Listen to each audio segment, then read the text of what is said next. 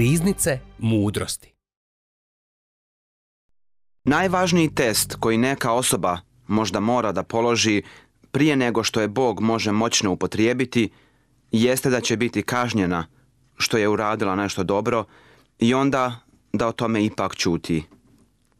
Upravo se to dogodilo i Josipu. Dospio je u zatvor, zato što je uradio sve kako treba. Kada slijedimo Josipov primjer, ili idemo Isusovim stopama. Dižemo se u velike visine slave. Naime, Petar nastavlja, na vama počiva duh slave, kako je zapisano u 1. Petrovoj 4.14. A postavio je pitanje, jer šta ima pohvalno u tome ako vas kažnjavaju za vaše grijehe i vi to strpljivo podnosite? Ali ako stradate, čineći dobro, i to strpljivo podnosite, to je pohvalno u Božijim očima. Ovo je zapisano u 1. Petrovoj 2.20. Josip je kažnjen zato što je učinio sve kako valja. Nije previše kada zaključimo da ga je Bog ukorio zato što je učinio sve kako valja. Kada nas Bog ruži, on se ne obračunava zato što smo zgriješili. Jedva da na svijetu postoji neki pastor koji nije sreo nekoga koji je prošao kroz neku tragediju, nesreću ili protivljenje, pa je na brzinu zaključio. Znam zašto mi se to dogodilo. Bog se ljuti na mene zbog nečega što sam jednom uradio. Biblija nam govori, Bog ne postupa s nama po našim grijesima, niti nam plaća po našim krivnjama. Kako je istok daleko od zapada, tako udaljuje od nas bezakonja naša. Ovo je zapisano u 103. psalmu, od 10. do 12. stiha. Božji ukor nije Božji način da se s nama razračunava. Bog se razračunao na križu. To opet ne znači da Bog ponekad neće ukoriti nekog neposlušnog kršćanina. To je očita istina. I to možemo čitati u drugoj Samuilovoj 12, Ali ukor nije Boži način obračunavanja. On time priprema neku osobu za nešto bolje i vrijednije. Bog nas ruži za naše dobro, da bismo imali udjela u njegovoj svetosti, kako je zapisano u Hebrejima 12.10. Bog često ruži upravo one koje po ljudskim mjerilima nije bilo ni potrebno ružiti, niti su to zaslužili. Job je bio neporočan i pravedan. Boga je proveo kroz najokrutnije probe, ali ne zato što je Job možda zgriješio. Jer koga Bog voli, toga i vaspitava stegom i kažnjava svakog koga prihvati kao sina. Ovo je zapisano u Hebrejima 12.6. Ne moraš da uradiš ništa loše da bi Bog odlučio da te ruži. Obećanje već postoji. Možeš da vodiš najpobožniji kršćanski život, a da te Bog iznenada takne za rame govoreći pripremio sam ti jedan mali ukor. D.L. Moody je sjedio na podijumu i čuo kako govornik daje sljedeću izjavu. Svijet tek treba da vidi čovjeka koji mu je u potpunosti odan. Mud je rekao u svom srcu, volio bih da ja budem taj čovjek. Možda bismo pomislili da će anđeli aplaudirati svakome ko želi da ga Bog upotrijebi i da će sve krenuti glatko. U roku od nekoliko dana Mudijeva crkva je izgoljela do temelja i njegov dom je spaljen. Jer kroz mnoge nevolje nam valja ući u Božje kraljevstvo, kako je zapisano u dijelima 14.22.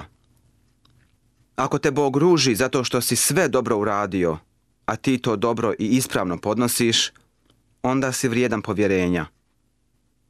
Bog je imao plan za Josipa. Veći no što se ikada moglo vidjeti na ovom svijetu u to vrijeme. Ne može svako da pronađe neposredan razlog za ukor u svom životu. Živjeti pobožnim životom ne garantuje da će ti se priznati što živiš pobožno. Možda će ljudi o tebi govoriti upravo suprotno. I mnogi će im vjerovati. Potifarova žena se razgalamila pred svima. Zloupotrijebili su me, napali su me. I Josipov dobar glas je bio uništen. Bog je mogao da opravda Josipa na licu mjesta. Zašto Bog nije na licu mjesta opravdao nedužnog Josipa od lažne optužbe? Odgovor glasi, bolje je izgubiti bitku, a dobiti rat. Bog je imao mnogo toga više na umu za svoje kraljevstvo, od Josipovog ličnog opravdanja. Da li upravo sada patiš zato što je neko govorio o tebi nešto što baš nije lijepo? Da li priželjkuješ trenutak odmazde, trenutak kada će svi vidjeti istinu? Naravno da želiš, ali ako nisi u stanju da u vezi toga čutiš i počneš da se rukama i nogama braniš u pokušaju da zaštitiš sebe, i svoje samopoštovanje. Bog će se povući iz čitave situacije. Prepustit će ti da se izvučeš, pa ćeš izgubiti rat. Najmudriju stvar koju može bilo ko da uradi kada sa njim postupaju nepravedno jeste da o tome čuti. Kako već rekoh, nema ničeg što bi čovjek želio da uradi više nego da odbrani svoje zlostavljano dijete. Josip je čutao. Bog je želio da izgubi bitku kako bi dobio rat. Josip nikada nije doživio opravdanje od optužbe Potifarove žene. Nigdje u Bibliji se ne spominje da su na kraju svi vidjeli da je Josip bio nedužan. Kasnije je postao premijer Egipta. Pretpostavljam da je Potifarovoj ženi bilo pomalo neprijatno kada je Josip postao pretpostavljeni njenom mužu. Možda je sam Potifar čutao, premda je možda u svom srcu znao da priča njegove žene nije istina. Da je Potifar stvarno vjerovao svojoj ženi, Josip se nikada ne bi izvukao samo za zatvorskom kaznom. Potifar je bio potpuno uvjeren u Josipov integritet. Pretpostavljam da je samo jedan pogled na Josipovo lice govorio Potifaru sve što je trebalo da zna. Ali da bi zaštitio svoje ognjište, svoje dostojanstvo, reputaciju svoje žene i svoj brak, Josip je morao da bude kažnjen. Ipak, Izgleda Josip nikada nije doživio javno očišćenje svog dobrog glasa. Jedino će čitaoci Biblije očistiti Josipov lik. Mojsije, pisac knjige Postanka, nam pripovijeda da je Josip bio nedužan. I zbog toga su jedino čitaoci Biblije oni koji vraćaju Josipu njegovo časno ime. I u ovome je Josip prototip Krista. Oni koji su Isusa poslali na križ, nikada ga nisu opravdali. Kada je Isus uskrsnuo iz mrtvih, da li je pošao ravno Pilatu i rekao, a šta misliš sada? Da li je možda otišao Ponciju Pilatu? Ili prvo svešteniku? Ne, Isus nije otišao nikome kako bi oprao ljagu sa svoje ličnosti. Išao je onima koji su ga voljeli. Samo su vjernici vidjeli uskrslog Krista. Prilikom razapinjanja Isus je toliko lako mogao da dobije bitku. U bilo kom trenutku je mogao da ih zaustavi i da ih na mjestu ubije. Dok su mu zabijali eksere, ili dok je visio na križu, a rulja se je derala, ako si Božji sin, siđi s križa. Isus je mogao da se opravda. Mogao je da dobije bitku, ali bi izgubio rat. Mogao da pozove deset hiljada anđela. Bog je mogao da pošalje anđele i da izbavi Isusa iz svega toga. Ali Isus nije želio lično opravdanje. Imao je veću ljubav za Božje kraljevstvo. Zato je umro, pravedan za nepravedne. Isus je izgubio bitku da bi dobio rat. Što se tiče Josipa, možda bi mu u tom trenutku neka odbrana nešto značila. Ali ne bi ništa donijela za Božje kraljevstvo. Kada se nama na bilo koji način nepravedno postupaju, moramo shvatiti da naša patnja ima duboko i neizmjerljivo značenje za Božje kraljevstvo. Postoje nevidljivi razlozi za patnje koje traju. Ko zna šta Bog želi da uradi sa tvojim životom ako dostojanstveno prihvatiš zlostavljanje? Ono što možda tebi toliko znači da na licu mjesta doživiš opravdanje – doprinijelo bi gubljenju rata. Sve zbog toga da ti se ispuni neposredna želja. Isus je mogao da siđe s križa. Hvala Bogu što to nije uradio. Josip je mogao da bude opravdan, ali nije bio opravdan. Njegova jedanaestorica braće će kasnije biti zahvalni da je sve ispalo onako kako je ispalo. Bog je pripremao još toga za Josipa. Zar još uvijek nije dovoljno pretrpio? Kroz šta će sve Josip morati proći? Ta dokle ćeš skrivati lice od mene? Povijek je iz psalma 13.2. Možda govoriš, ne mogu više. Pogledaj Josipa. Njegova braća su ga izdala. Postao je rob u stranoj zemlji pa su ga zatim lažno optužili i bacili ga u zatvor. Koliko može neka osoba da izdrži? Moguće je da se kršćanski život objasni kao jedna priprema za drugom. Da postoji neki drugi način, priprema bez prolaženja kroz iskušenja. Bog bi to uradio na taj način. Ali on zna šta je najbolje. Josip je morao da nauči još nešto. Trebalo je da nauči da je Bog mogao da uradi istu stvar dva puta, pod različitim okolnostima. Šta je Bog uradio prvi put?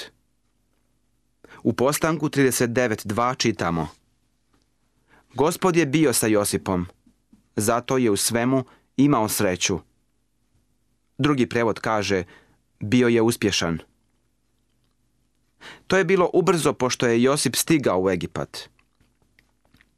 U postanku 39.21, kada je Josip bio u zatvoru, čitamo Ali gospod je bio s njim. Iskaza Josipu naklonost, te on nađe milost u očima upravitelja tamnice. Bog to ponovo čini. Bog je ponovio istu stvar i drugi put, ali u jednoj suprotnoj situaciji. Josip je morao da vidi da je stvarno Bog bio taj koji je to uradio. I onaj prvi put. Kada je bio svjedok neizmjernog napretka u Potifarovoj kući, možda je mogao da bude u iskušenju, da kaže, eto, imao sam sreću. Sve ide meni u prilog. Bar da mogu vjerovati da je Bog u svemu tome. Da mogu vjerovati da me Bog stvarno blagosilja na ovakav način. Znao bih da će se svi oni snovi koje sam sanjao u Kananu ipak ispuniti. Josip je morao da sazna da je to zaista bio Bog, a ne neki slučaj. Evo ga u zatvoru. Ne baš neko mjesto za napredak. Ali on je napredovao. Bog je to uradio i drugi put na isti način kao ranije. Upravitelj zatvora je bio impresioniran Josipom. Vidio je u Josipu izuzetnog čovjeka. Postoji jedna stara izreka. Ne možeš dobrog čovjeka držati pod površinom. Također je istina da ni istinski pobožnog čovjeka ne možeš zadržavati na tlu. Ne dirajte u moje pomazanike.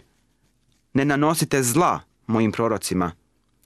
Piše u 105. psalmu, 15. stih. A ipak moramo priznati upravitelju zatvora da je prepoznao istinsku pobožnost kod Josipa. Čak šta više, pošto je upravitelj zatvora bio dobar prema Josipu, za samog upravitelja je sve krenulo na dobro u zatvoru. Nije želio da izgubi Josipa. I tako je Josip ponovo uspjevao na najnevjerovatnijem mjestu. Nikada nije poželio da bude tamo. I upravitelj zatvora nije se nalazio na spisku ljudi koje bi želio da upozna. Ne vjerujem da je postojao neki prospekat sa opisom Egipta i raznih ljudi koje bi trebalo da sretneš dok si tamo. Ali da je i postojao nikome ne bi palo na pamet da kaže Sigurno ćete željeti da upoznate upravitelja zatvora. To bi bilo veoma korisno. Ali gle, čuda, ispalo je da je upravitelj zatvora postao njegov najbolji prijatelj. Možda te Bog drži na mjestu koje je na izgled nemoguće napustiti. Osjećaš kao da iz toga nikada neće proizići ništa dobro. Da li se nalaziš na nekom mjestu gdje je nemoguće da će neko prepoznati tvoj dar? Mjesto protivno tvom izboru. Možda imaš šefa koga ne voliš. Ili učitelja s kim je nemoguće pronaći zajednički jezik. A ipak moraš da ostaneš tamo. Možda je tvoja prva reakcija, eto, moram da to otrpim do gorko kraja. Iz ovoga ne može da izađe ništa dobro. Ovdje ne može da se dogodi ništa dobro. Ali ti ne samo da na tom mjestu možeš najbolje da iskoristiš situaciju.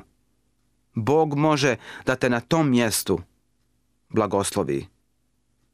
Možda ćeš tamo da doživiš neke svoje najslađe dane. Ko zna šta će se tamo dogoditi tebi lično i za Božje kraljevstvo uopšte, ako to dobro savladaš. Josipu su bili povjereni svi utamničeni. Nisu to baš bili ljudi sa kojima se družio. Ali što god su oni radili, Josip ih je vodio. Možda te je Bog postavio pokraj nekoga sa kojima se prirodno ne slažeš. Možda si u nekoj kancelariji ili u nekoj školi gdje nema ni jedne osobe koja ti se dopada. Ko zna šta Bog sve može da uradi sa tobom upravo tamo, u toj situaciji. Nemojmo prebrzo promijeniti stvari. Bolje je dobiti rat. Hvala vam što ste slušali današnju emisiju. Kontaktirajte nas putem našeg e-maila putpravednosti.bih.gmail.com ili putem naše Facebook stranice Put pravednosti. Do sljedećeg slušanja.